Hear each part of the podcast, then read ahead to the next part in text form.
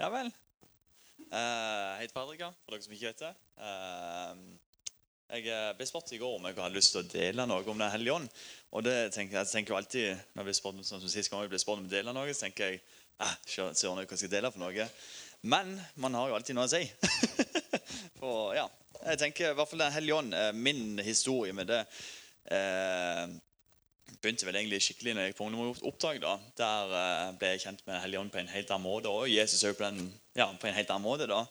Uh, og før det igjen da, så var jeg en person som var leder veldig mye av frykt. Jeg var en person som, eh, ja, jeg husker Pappa han var, måtte korrigere meg på måten jeg gikk, for jeg gikk veldig mye sånn med hendene rett ned. sånn sett. Han sa begynn å bevege hendene dine. For jeg tenkte, jeg, var så sjenert. Jeg var så, altså jeg var livredd på en måte av alt det som skjedde utafor. Herrene. Jeg var sånn, ok, jeg stakk et hår opp, så måtte det ned. altså Nå er jo alt ned nå òg, da. Men det var sånn, alt måtte jo som ned. altså det var sånn, ja, Veldig redd for absolutt alt. Så jeg, altså, Vi møtte folk, tror jeg ikke sa hei, tror jeg ikke snakka med dem.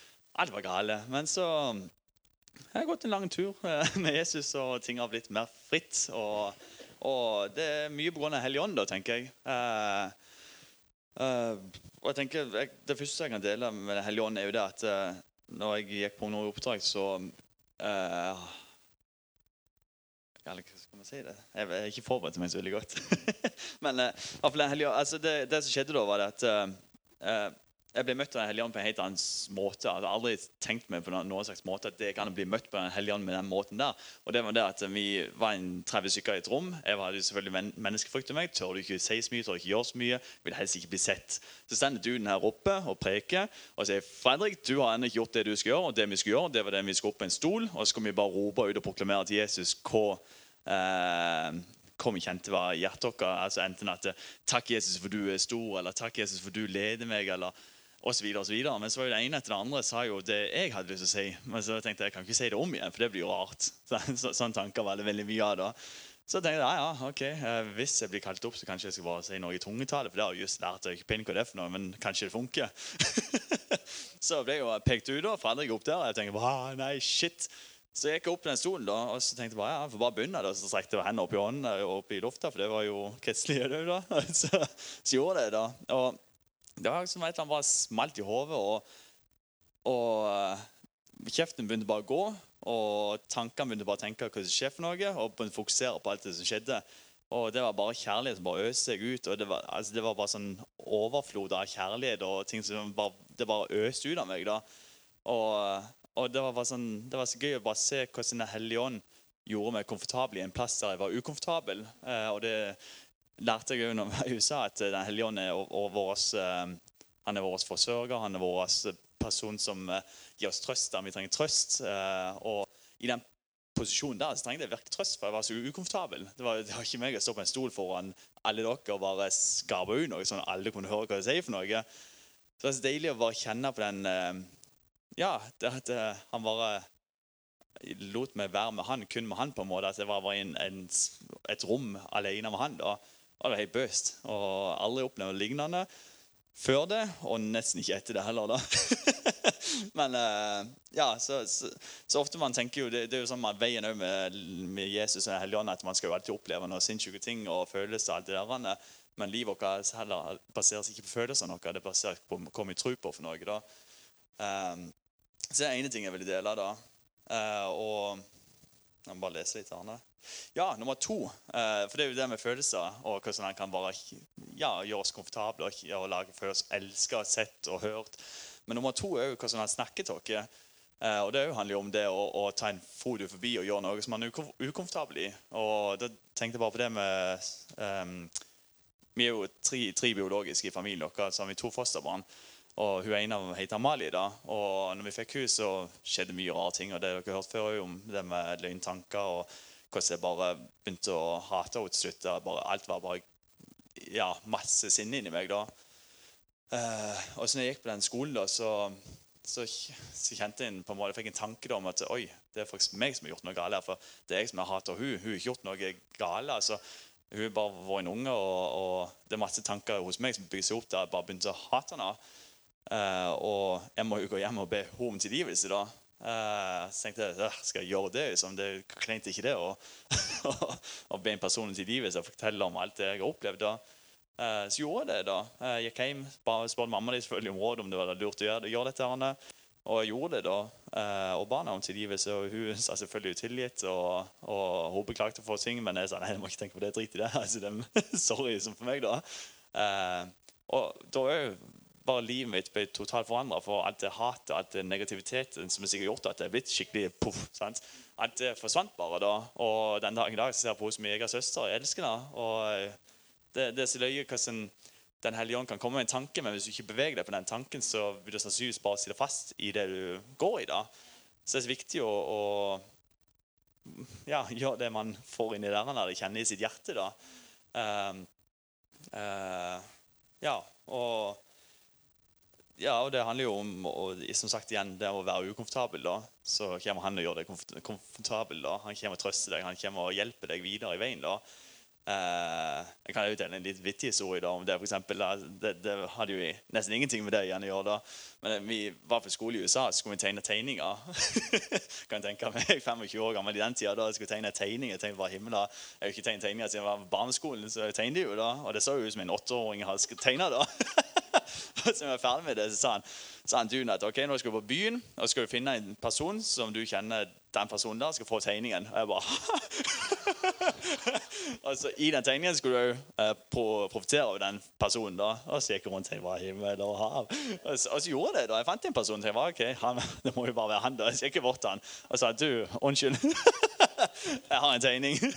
og og den ja, Så begynte jeg å fortelle litt om den tegningen. og følte meg så liten.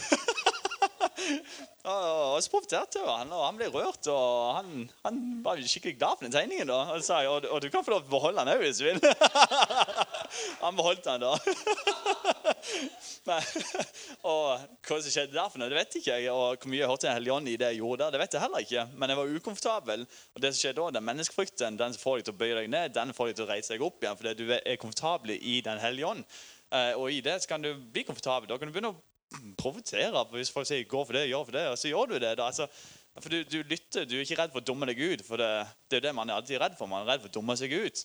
Uh, ja, og uh,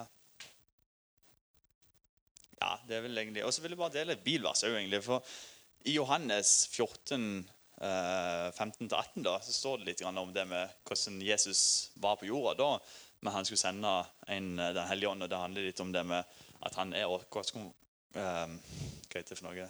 Comforter. Um, trøster. Ja.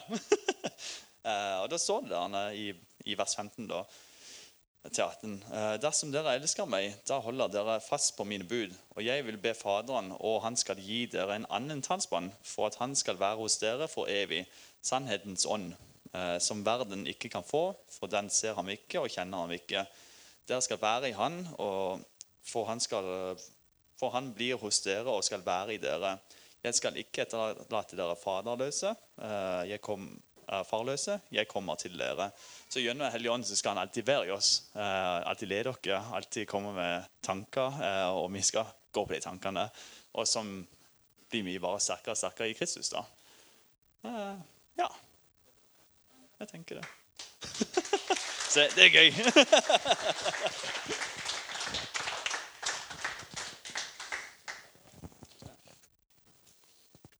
Så bra. For de som har hørt meg tale av og til, så varierer det litt hvordan jeg taler. Av og til så taler jeg en sånn skikkelig proff tale ut ifra mitt nivå. Av og til så uh, blir det litt annerledes. I dag blir det litt annerledes. Så det blir ikke sånn tre punkter til frihet. liksom. Det, det, det blir litt annerledes. Jeg har lyst til å bare dele mitt hjerte i forhold til dette med Guds hellige ånd. Uh, jeg skulle egentlig tale forrige søndag, men da var jeg ikke sånn helt i slaget. Så jeg ble bare sittende i en sofa, og masse andre folk delte. Og det var bare sånn det skulle være. Det var gull. Det var godt å høre. Det var oppmuntrende, det var inspirerende. Så det passa veldig fint at jeg ikke var helt i form så tenker jeg at Og så har talen endra seg litt. Så nå blir det en sånn uh, hybridutgave av forrige plan og denne planen. Men jeg tror det blir bra. det blir godt. jeg og, og, kickstarten på, den, på, det jeg har lyst til å bare dele litt i dag, det var egentlig litt i forbindelse med Jeg var på, et sånn kollegatreff eh, med, med ja, pastorer og sånt på Zoom. eh, med resten av pastorkollegialet mitt da, i, eh, i Norge, sammen med Øystein Gjerme, som, som delte noen inspirerende ord. I tillegg til at uh, en del informasjon. da. Og Han delte ut fra et vers som jeg bare syntes var skikkelig skikkelig flott uh, og inspirerende. Han på en måte markerte med at vi er jo åndens folk. Uh, Vi har så lett for å henge oss opp i strategier og planer og Excel-ark og ti skritt til ditt og datt og masse planer og alt sånt kan være fint. Eh, Men, men mange blir nok veldig slitne av det, og at en setter sin lit til oppskrifter og strategier. og, og sånt. Men vi er jo åndens folk.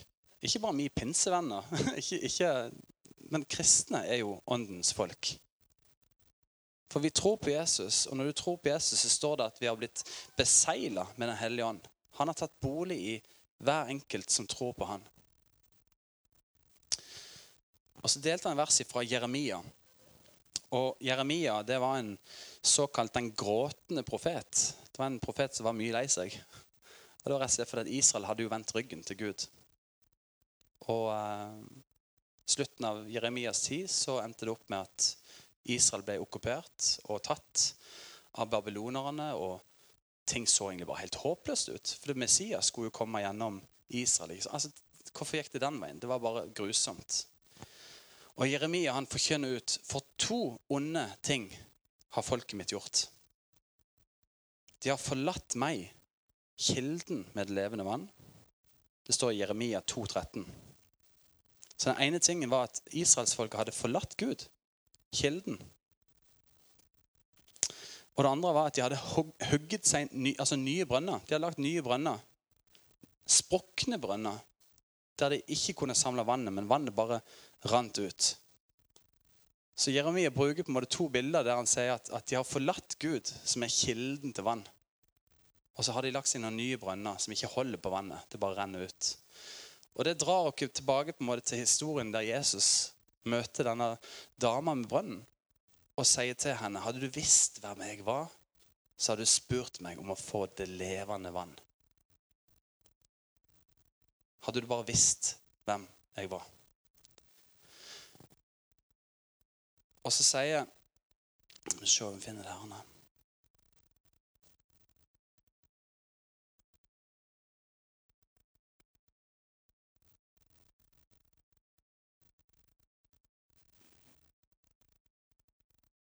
Ja. Jesus sier òg i Johannes 7, 37-39 så sier han på den siste dag i høytiden, den store festdagen, så sto Jesus fram og ropte, den som tørster, la han komme til meg og drikke. Igjen så refererer han til vannet, ikke sant? Den som tror på meg, fra hans indre skal det, som Skriften har sagt, renne strømmer av levende vann. Så igjen kommer det begrepet med at det skal renne vann ut av deg. Og så skriver Johannes, og etter Jesus har sagt dette, dette sa han om den ånd de som trodde på ham, skulle få. Men ånden var jo ennå ikke kommet, for Jesus hadde ikke ennå fått del i herligheten. Så Jesus profeterte ut om at det skulle komme en tid der mennesker som trodde på han, det skulle være levende vann i dem som bare strømte ut. Og Jeremia, flere hundre år tilbake, klagde over at to ting hadde de gjort som var mot Guds vilje. De hadde vendt seg bort fra han som var kilden, og så hadde de lagd sine egne ting som ikke holdt på vannet. Og jeg tror nok vi som kristne òg, selv om vi har fått Den hellige ånd For det har vi jo. Du kan kanskje gå rundt og tenke ja, jeg vet, jeg er usikker. Jeg kjenner jo ikke en forskjell. Jeg merker ingenting. Jo, men Bibelen sier at når du tror på Jesus, så er du et Guds barn, og du er besegla med Den hellige ånd. Så det er ikke noe tvil. Er du en kristen, ønsker du å følge Jesus, har du han i ditt hjerte, ja, så er det Den hellige Det er ikke Jesus som bor i hjertet ditt. Det er det vi har lært på søndagsskolen. Men det er jo Den hellige ånd. Det er jo han som har tatt bolig i ditt hjerte. Det, altså, det var jo derfor Jesus får opp til himmelen, for at Den hellige ånd skulle komme ned. Jesus kan jo ikke ta bolig i hver enkelt av oss. Det er derfor han gjorde den fantastiske tingen med å sende Den hellige ånd, sånn at Kristus sin ånd skulle ta del i meg og deg. Men så kan en gå rundt og tenke Hvor blir det her levende vannet av? Jeg føler meg som en sprukken brønn. ting bare renner ut. Og så har jeg lyst til å bare peke på, på en ting. For når Maria Vi er jo nå i juletida, og vi skal ha fokus på det. Og det er fantastisk mye en kan fokusere på i juletida i forhold til det med Maria, Jesu fødsel, hvorfor han kom og sånt. Men det er så stilig. og Jeg har lyst til å lese. Det, det er noen vers her, men det, det, det er så bra. Det står her i Lukas evangelium kapittel 1, vers 26. Men i den sjette måneden ble engelen Gabriel sendt av Gud til en by i Galilea som het Nasaret, til en jomfru som var forlovet med en mann som het Josef av Davids hus. Jomfruens navn var Maria. Og etter at engelen var kommet inn, så sa han til henne, Fryd deg, du som har fått stor nåde, Herren er med deg. Velsignet er du blant kvinner. Men da hun så han, så ble hun livredd over hans ord, og hun grunnet på hva slags hilsen dette var. Da sa engelen til henne, frykt ikke, Maria, for du har funnet nåde hos Gud. Og se, du skal bli med barn og føde en sønn, og du skal gi ham navnet Jesus. Han skal være stor, og han skal kalles den høyeste sønn. Og Herren Gud skal gi ham hans far eh, Davids trone. Og han skal herske over Jakobs hus for evig. Og hans rike skal ikke ha noen avslutning. Da sa Maria til engelen, hvordan kan dette gå til? Da jeg ikke har levd med noen mann. Går det an å bli gravid uten å ha samleie med noen? Ja, i dag kan du nesten. Du kan gå på en lab en eller annen plass. Så. Men ok, hvis du tenker litt sånn fornuftig nå. Det går jo ikke an. Da må, det må jo to ting til. Et egg og ei sædcelle. Basic biologi. Yes, nei, Jesus, Maria hadde ikke vært med noen mann. Og det var ikke en eller annen klinikk nede i Danmark hvor du kunne reise til heller. Det var ikke muligheter for det.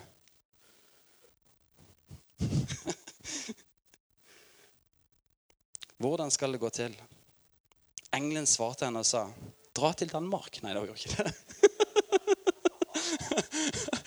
Er det lov å si det? Sorry.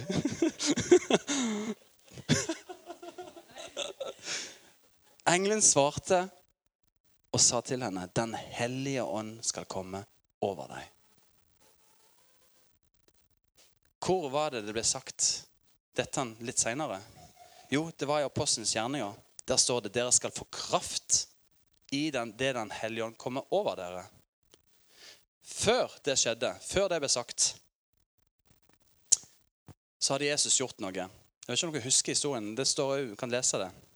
Det står i Johannes 20, kapittel, uh, unnskyld, Johannes uh, evangelium, kapittel 20, vers 20-22. og Da står det Og da han hadde sagt dette, så åndet han på, deg, uh, på dem. Altså, Jesus sto og snakka med disiplene sine. Det var jo like før Jesus skulle fly opp til himmelen så står det at han pusta på dem.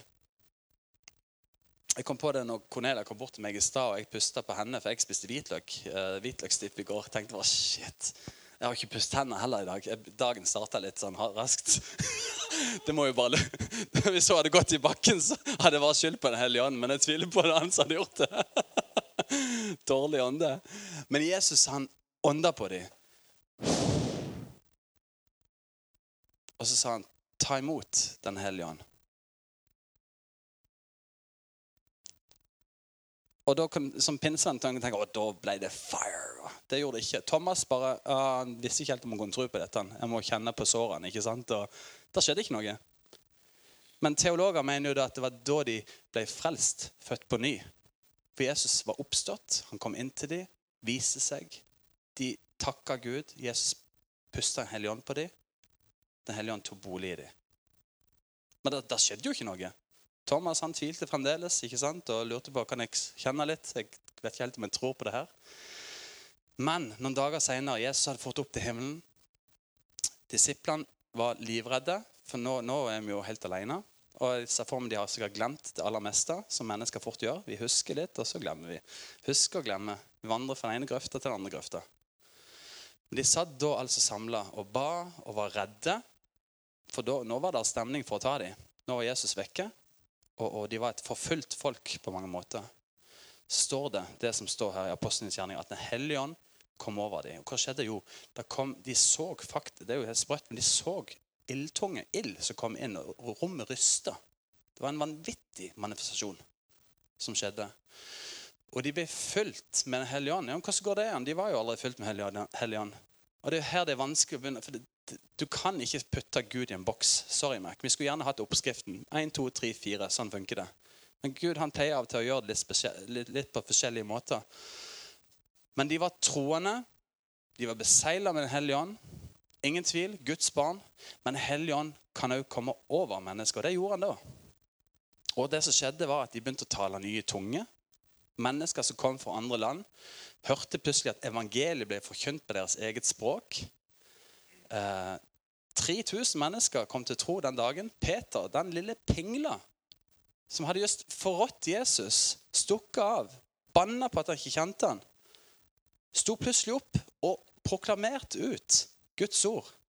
Ikke fordi at han plutselig hadde hatt sånne eh, fem step liksom, med selvvekst, eller sånn, eh, hva det, selvledelse og bli bedre, liksom, og Joe Rostin hadde bare sådd inn masse sannhet i han. Nei, han var fullt av Den hellige ånd. Han var fulgt med tro. Han proklamerte ut evangeliet om Jesus. Og vi som er åndens folk, vi lever i en tid der Helligånden har tatt bolig og at han kommer over oss. Vi opplever det på forskjellige måter, men vi vet hva vi trenger. Vi trenger litt mer av Guds ånds fylde i vårt liv. Vi går litt for mye rundt og lekker som de her brønnene. At det, det renner ikke levende vann ut av oss. En er litt for mye bekymra. En sliter litt for mye med det. En tenker litt for mye på det. En ligger litt bakpå herrene. Og en er ikke, som Paulus sier det, leder av Den hellige ånd så veldig mye. Jeg er iallfall ikke personlig. Jeg skulle ønske jeg var leder mye mer. Og jeg tror de fleste her inne kjenner seg enig i det. at åh, kom an, jeg, treng, jeg trenger mer av din hellige ånd.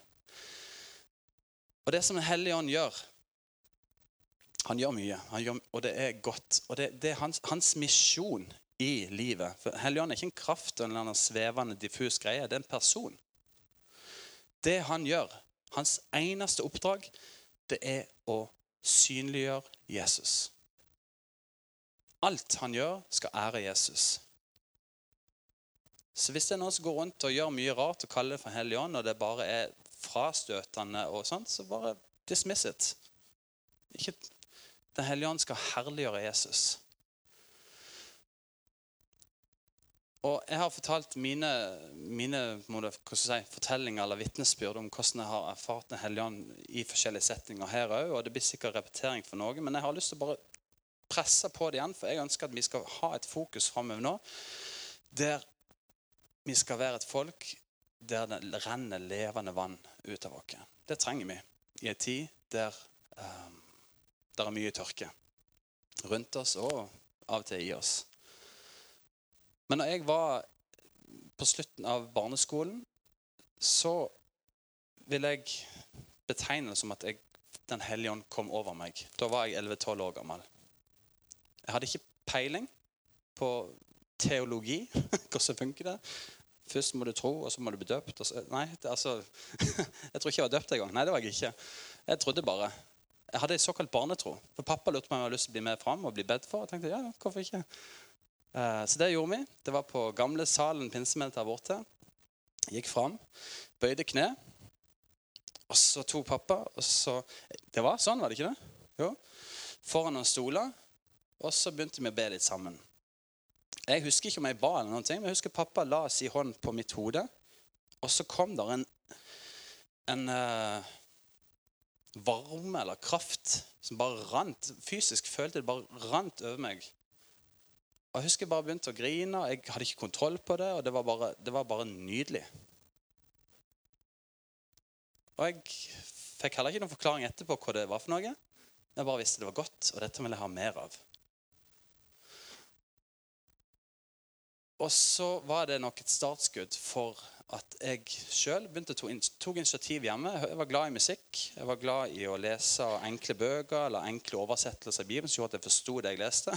Det er ikke alltid enkelt med gamle bibler. Men jeg var sulten på Gud. Så når jeg var hjemme, så hørte jeg mye på eh, kristen hardrock. Jerusalem og sånt. Det var beinradikale tekster om at vi skal ta Europa. og denne, Vi skal trø på djevelen. Han ligger under våre føtter. Det var bare power. Og det var så trosoppbyggende. Og det var så styrkende. Og vet du hva, Jeg lå på, på gulvet hjemme som 13-14-åring og bare kjente Den hellige ånd bare kom over meg og pulserte. Og jeg husker 20 år senere så hørte jeg om at det var inn og soka. Jeg tenker, ja, Det har jeg gjort i 20 år nå. altså, Legg det ned og bare ta imot, liksom. Det er nydelig. Bare, ah, Helligånd, kom. Og så opp, opplever du jo forskjellig, som du òg sier. ikke sant? Du opplevde noe spesielt den gangen Helligånd kom over deg. Og så er ikke sånn at det skjer hver dag. Jeg kan ikke, jeg kan ikke manipulere og styre Helligånden. Nå, nå skal du komme. Jeg trenger deg. Nei, han gjør som han vil. Han er jo en person. Det er ikke jeg som styrer han eller kontrollerer han. Han kommer når han vil komme. Og skal du vite at han bor i deg. Det står, eh, det er sju forskjellige betegnelser om hvordan Den hellige ånd rører ved mennesker. Det står at mennesker ble døpt i Den hellige ånd. Det står i Bibelen at de ble fylt med Den hellige ånd. Det står at Den hellige ånd falt på dem. Det står at Den hellige ånd kom over dem. Det står at Den hellige ånd hvilte på dem. Det står at de mottok Den hellige ånd. Det står at Den hellige ånd ble utøst over mennesker. Så det er forskjellige Bibelen beskriver på forskjellige måter. Og jeg tror nok òg at på like mange mennesker som ble møtt av Den hellige ånd, så var det individuelle opplevelser av hvordan, hvordan var dette.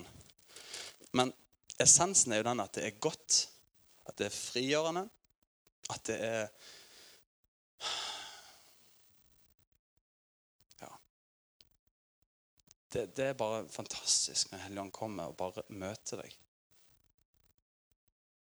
Og Jeg kan kanskje telle på ei eller to hender der jeg opplever at Den har kommet over meg, og det har skjedd ting, og at en kjenner bare wow, nå, nå, nå er alt mulig. Gi meg et menneske, skal jeg bare forkynne evangeliet. Eller gi meg en syk en nå, liksom. Skal jeg bare, altså, Det bare, det bare ah, det var fantastisk.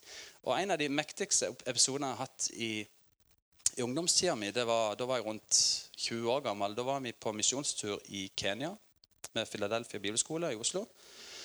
Og Da var vi på et eh, egentlig litt sånn nedlagt misjonssenter i Tessalia. Er det noen gamle pinsevenner som har hørt om Tessalia? Ja, det er en som nikker iallfall.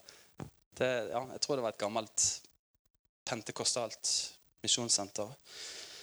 Der bodde vi, og det var jo ingenting å gjøre. Vi hadde ikke telefon, hadde ikke TV, hadde ikke data. Hadde, vi var en fantastisk flott gjeng. Det eneste vi gjorde, var jo å ha det gøy. Vi lekte, vi spilte. Vi ba sammen, vi lovsang sammen. Det var, det var enkelt. Det var litt sånn analogt på en måte. Uh, og, og, etter noen dager så ble det en litt sånn kultur at når vi kjeder oss, eller på kveldene spesielt, så var vi, vi bare lovsynger det sammen. Ber det sammen, Så ser vi hva som skjer.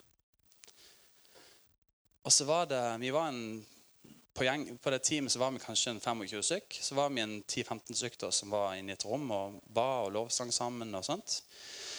Så var det en som uh, En som, Jeg husker ikke fornavnet på han, men han heter Bjørnarsson, tror jeg det var. Han, uh, han gikk og ba. Gikk fram og tilbake, og det gjorde jeg òg og lovsang. Så Jeg kjente bare åh, han, ta og be for han. Og du, når du er litt sånn i, in, in, the spirit, blir litt raus. Du går jo bare rundt og ber for alle. liksom, ikke sant? Og tenker dette er bra. Så jeg hadde ikke noen forventning. Jeg tenkte be for han. Ja, jeg skal be for han. Så jeg gikk bort og la hendene på ryggen. Kan ikke jeg be for deg? Jo, selvfølgelig. Kom an, liksom. Og så begynte jeg å be. Og så begynte han bare å stigrine. Og så kjente jeg òg bare Man begynte å renne. ikke sant? Og bare tørke snørret mens en ber. liksom, og og så kjenner jeg plutselig at jeg begynner å le. Helt, jeg, jeg, klarte ikke å kontrollere det. Jeg følte egentlig at det var litt sånn litt sånn Passer dette din? Ikke sant? For han griner, og så begynner jeg å le av han. liksom. Det var ikke det jeg gjorde. Men det, det var bare Ja, jeg hadde ikke kontroll. da.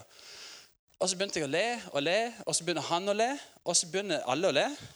Og så til slutt så ligger jeg på gulvet og ler. Og jeg, jeg, husker, jeg glemmer tida. Jeg husker ikke tida, men jeg, jeg jeg tipper det var sikkert kvarter, 20 minutter jeg bare lå, lå og lo.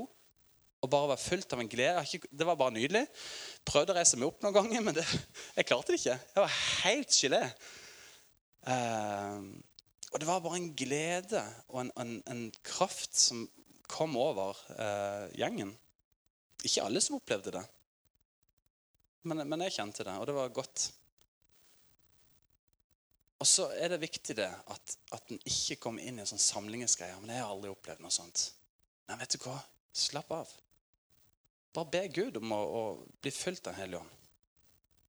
Og så slapper du av med det. Så gjør han det når han vil gjøre det. Men jeg vil si at, at det er en litt høyere odds for at det skjer når du er i tilbedelse og bønn, enn at du ikke, sitter og ser på Netflix eller Ja. Det er en smule større sjanse for at det skjer når du søker Han. OK? Faktisk.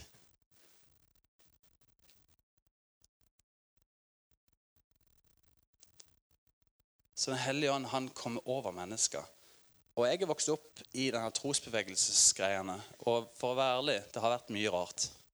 Det har vært forferdelig mye usunt. Med sprelling og hyling og dyrelyder og eh, Ja, jeg catcher den her, liksom. Faller bak, liksom. Og masse, masse usunt, for å si det rett ut. Mennesker har blitt skremt. Når Helligånd kom over disiplene, så var det ikke sånn at Jerusalem bare ble tømt for mennesker. De ble livredde. Nei, de ble trukket til det. Mennesker ble frelst og fylt med ånden. Det var godt. Så flyg i bakken om du vil, men la det være en helligånd som gjør det, og ikke deg sjøl. Eller en som er veldig ivrig og skal Ikke sant? Nei, la Den hellige ånd gjøre det han ønsker. La han få frihet i ditt liv. Fylle deg opp på den måten som, som han ser det best for deg. Og så er det så fantastisk, for det er noen gaver som òg Den hellige ånd gir. Nå, nå, skal jeg avslutte. Men Den hellige ånd han gir forskjellige gaver. Vi så jo det annet i praksis nå med at Tov ble minnet på noe. Jeg fikk et bilde. Merete fikk et kunnskapsord om at hun hadde opplevd at noen hadde sett ut av et vindu ikke sant? og spurt om Gud er du her. Det fins forskjellige gaver som ånden gir. Og en av mine favorittgaver vet du hva det er? Det er tungetale. Vet du hva? Hvorfor? Fordi at, åh, Når du ber i tunge, Paulus sier at du bygger opp din ånd. Du bygger deg opp. Og så er jo Bibelen jo kjempetydelig. Du skal ikke gå rundt og be i tunge hele tida. Gå inn på Isaks, nei, det var ikke Isaksen, Hvis du går inn på Kiwi bare, altså, Nei. Han er jo kjempetydelig. Sånn gjør vi ikke. Ha litt orden i livet ditt. ikke sant? Vær litt fornuftig. Du har kontroll over det. Du kan velge om du skal tale, eller du skal velge om du kan tie. Men Helligånd han gir av sine gaver for å bygge deg opp, eller for å bygge opp menigheten. Og det skal være et tegn for mennesker som ikke tror på at det er noe mer mellom himmel og jord.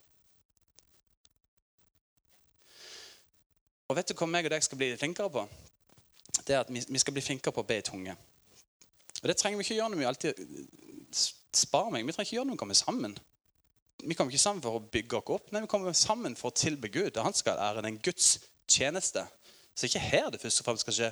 Men når du går til jobb, når du kjører bil, når du er drittrøtt, eller når du, når du skal hjem til ungene og du kjenner bare at oh, tålmodigheten er slitt, og nå kommer hjem til masse, masse prøvelser Be i tunga. bare bygg opp din, din, din ånd.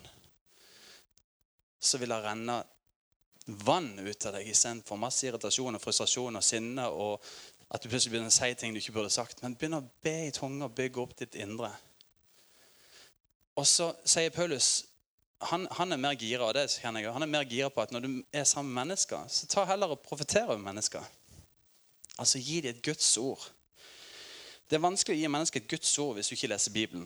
For dette er Guds ord. Så fyll deg med hans sannhet, så vil du merke det at Den hellige ånd etter hvert begynner å minne på bibelvers som du kanskje skal gi en hilsen til din neste. Det kan være mennesker som ikke tror på Jesus, det kan være noen du ikke kjenner. Det kan være noen du kjenner, men du merker Den hellige ånd som bor i deg. Begynner å bruke Guds ord til å velsigne andre mennesker, til å sette dem i frihet, til å oppmuntre dem.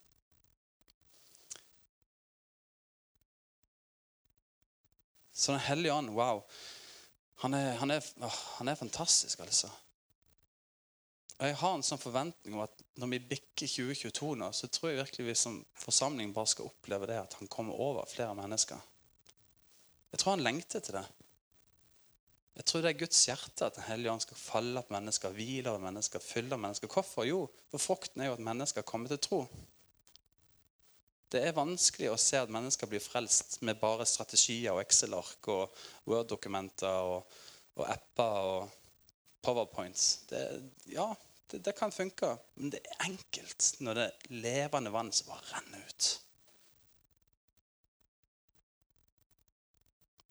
Så kom, Hellige Ånd. Rest on us. Yes, det trenger vi. Vi takker deg, himmelske Far, for at du først sendte din sønn. At han tok all verdens synd på seg At vi er fri, vi er rettferdiggjort. Vi er innlemma i din familie. Vi er besegla med Den hellige ånd. Du har tatt bolig i meg og alle de som tror. Så takker jeg, Herre, for at du òg forlot denne jorda for å sende din hellige ånd til hver enkelt som tror på deg. Og jeg takker for at du gjør så fantastisk mye godt i oss og rundt dere, og at du kommer over oss og gir av din fylde. Og jeg ber, Herre, om at du bare må åh, komme oftere over meg og mitt liv, Herre. Lengte etter å bli møtt, av deg og berørt av deg. Fylt av deg og din kraft og din glede, din fred. Og hjelp meg, Herre. Hjelp oss til å være lydhøre, Hellige Ånd. Der du ønsker å gi av dine gaver til oss og til andre mennesker. La oss være til en velsignelse for andre mennesker, Herre. Så Herre, vi bare ber om at 2022 skal være et år der Din Hellige Ånd bare hviler på vår forsamling. At Din Ånd preger oss, merker oss, fyller oss, og at vi blir som ei elv der det renner levende vann ut, Herre. Så vi ønsker ikke å være som Jeremia irettesette folket. Vi ønsker ikke å være de som vender oss vekk fra deg og bygger våre egne brønner og prøver å finne det ut. Nei, vi ønsker å søke du som er kilden, Herre. Du som er det levende vann. Og vi ønsker bare å drikke. Mm. Pris i ditt navn, Jesus. Og all Guds folk sa amen.